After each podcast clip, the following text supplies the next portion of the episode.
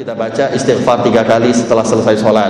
Lalu baca La ilaha illallah wahdahu la syarikalah lahul mulku wa lahul hamdu yuhyi wa yumit wa huwa ala kulli syai'in qadir.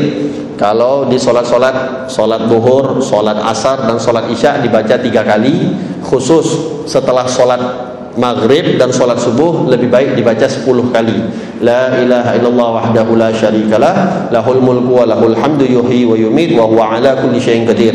Diriwayatkan barang siapa yang membaca tadi sebanyak 10 kali setelah solat maghrib maka dia akan diampuni dosa-dosanya sampai masuk waktu subuh. Dan barang siapa yang membacanya di waktu subuh di waktu fajar la ilaha illallah wahdahu la syarikalah sampai habis 10 kali maka dosa-dosanya akan diampuni sampai waktu ma waktu maghrib juga dianjurkan untuk membaca Allahumma antas salam wa minkas salam wa ilaika ya'udu salam fa hayna rabbana bisalam wa adkhilnal jannata daras salam.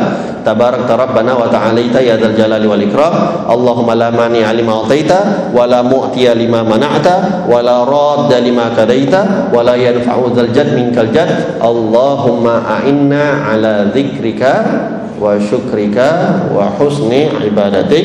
Boleh dia tambah dengan membaca al-fatihah atau membaca ayat kursi. Lalu kita membaca subhanallah 33 kali alhamdulillah 33 kali Allahu akbar 33 kali.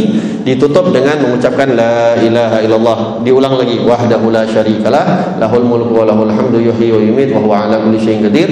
Sebanyak satu kali dikatakan siapa yang membaca 33 kali subhanallah 33 kali alhamdulillah 33 kali Allahu akbar. Ditutup dengan la ilaha illallah sampai habis sebanyak berarti jumlahnya 33 tambah 33 tambah 33 tambah 1 berarti 100 maka yang membaca itu setiap sholat akan diampuni dosa-dosanya oleh Allah 100 dosa dan diberikan ganjaran sebanyak 100 pahala dan akan diangkat derajatnya oleh Allah sebanyak 100 derajat di sisi Allah Subhanahu wa taala. Simpel semuanya, namun kalau mau kita kerjakan maka mendapatkan kebaikan yang begitu besar di sisi Allah Subhanahu wa taala.